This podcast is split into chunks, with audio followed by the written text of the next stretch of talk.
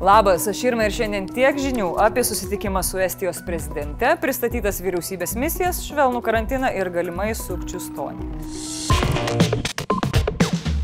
Lietuvos Respublikos prezidentas Gitanas Nausėda šiandien priėmė darbo vizitų į Lietuvą atvykusią Estijos vadovę Kersti Kaljulait.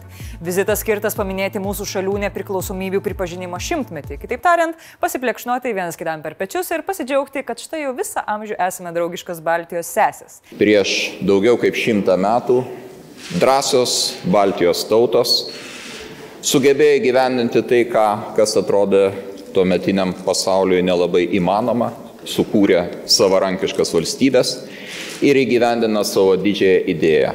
Abu prezidentai kalbėjo apie kovą su pandemija ir priemonės jos padariniams įveikti, bei Baltijos šalių bendradarbiavimą saugumo ir gynybos klausimais.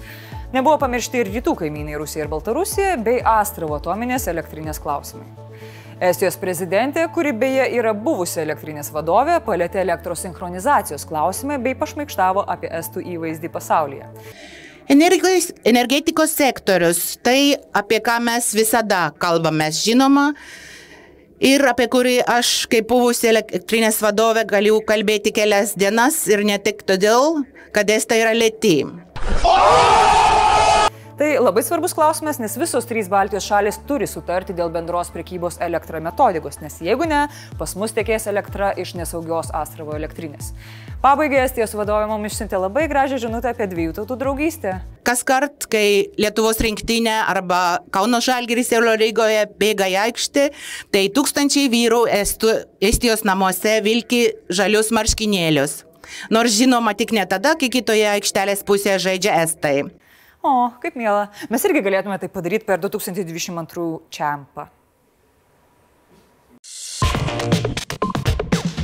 Vyriausybė paskelbė ketverių kadencijos metų darbo plano projektą su trimis esminės prioritetais - žaliojo kursu, skaitmenizacija ir švietimu, bei su 12 misijų. Štai tos misijos - sukurti vienodas starto pozicijas visiems Lietuvo žmonėms. Čia yra kalbama apie išsilavinimą ir švietimą. Norima didinti finansavimą socialinių rizikų šeimų vaikams, daugiau investuoti į mokslą ir didinti įsidarbinusių po studijų procentą. Asmenybės ir visuomenės gyvenimo kokybę keičianti kultūra. Valdžia skatins vartoti daugiau kultūros ir daugiau joje dalyvauti.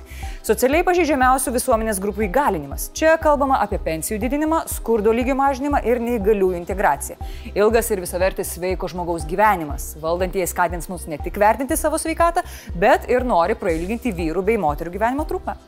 Aukštos pridėtinės vertės ekonomika. Lietuva pasaulinėme inovacijų indekse turėtų šoktelti per penkias vietas ir orientuotis į aukštos pridėtinės vertės produktus bei paslaugas.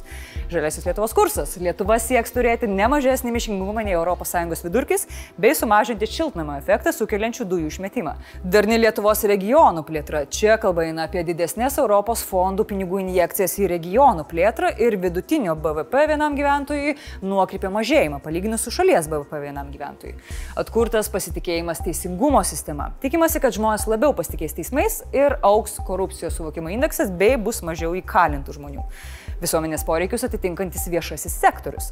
Kalbama apie daugiau modernių e-paslaugų ir daugiau jas teikiančių institucijų, bei apie tai, kad turėtų aukti pasitikėjimas vyriausybė.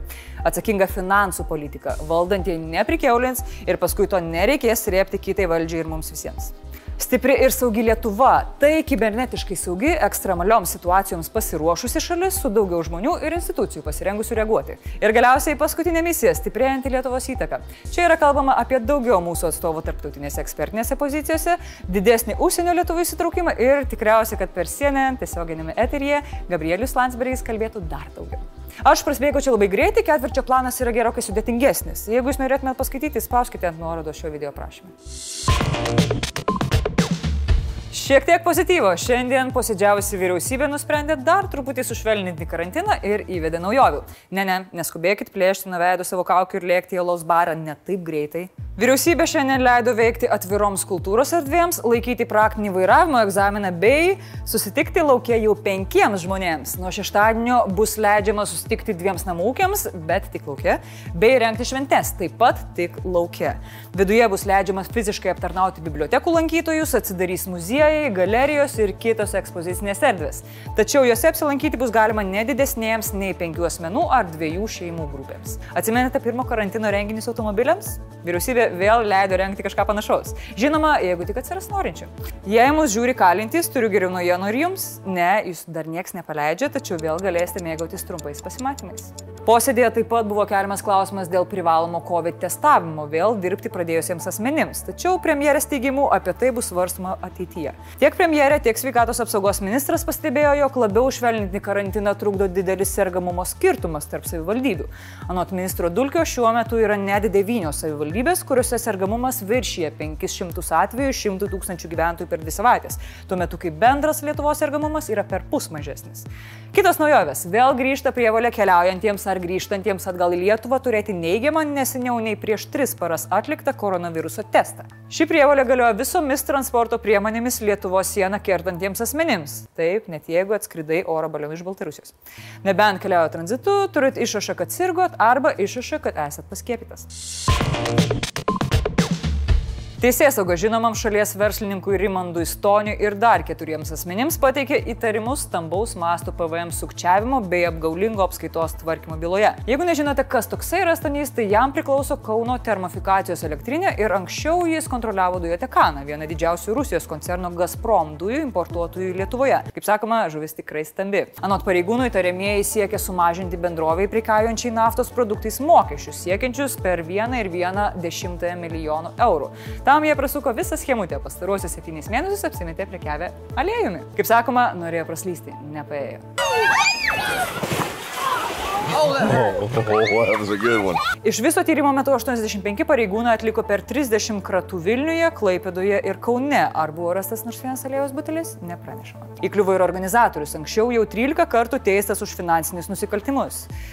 Kai pagalvoju, jeigu tave jau teisė 13 kartų, gal turėtų kilti minčių, kad tai ne tavo veikla? Įtariamas organizatorius dėl panašių nusikaltimų teisėsaugai yra žinomas jau nuo 1994 metų ir sėdėjo ir sukčiavimą prekiaujant degalais, metalu, mediena ir statybinėmis medžiagomis. Blitz naujienos. Sveikatos apsaugos ministras Arūnas Dulkys iš pareigų atleidžia Nacionalinio visuomenės sveikatos centro direktorių Robertą Petraitį. Tarnybinio veiklos vertinimo metu nustatyta, kad Petraitis tinkamai savo pareigų neatliko. Kretingos rajono Salantų miestelėje paskelbta ekstremali situacija, nes jau kelias dienas nepavyksta nustatyti teršalų šaltinio miestelio tvenkinyje. Pirmadienio naktį aplinkosaugininkai gavo pranešimą, kad į tvenkinį galimai liejasi dizelinas. Šaltinis nenustatytas, tačiau teršalai nebepatenka į miestelio tvenkinį. Aplinkosauga rado miesto planuose nepažymėtą vamzdį, kuriuo tikėtina ir teka teršalai. Japonijos verslininkas milijardierius Jusako Mizava pakvietė aštuonis žmonės prisijungti prie jo į Ilono Masko organizuojamą skrydį aplink Menulį. Milijardierius žada padengti visas kelionės išlaidas. Skrydis pavadintas Dear Moon suplanuotas 2023-aisiais. Junktinių valstybių prezidentas Joe Bidenas pažadėjo, kad iki gegužės pabaigos Amerikoje vakcinų užteks visiems suaugusiems. JAV kasdien pasiskiepija daugiau negu 1,74 milijono žmonių. Mokslininkai nufilmavo, kaip vienas žmogus paskelbė apie peticiją ir visi kiti skuba ją pasirašyti.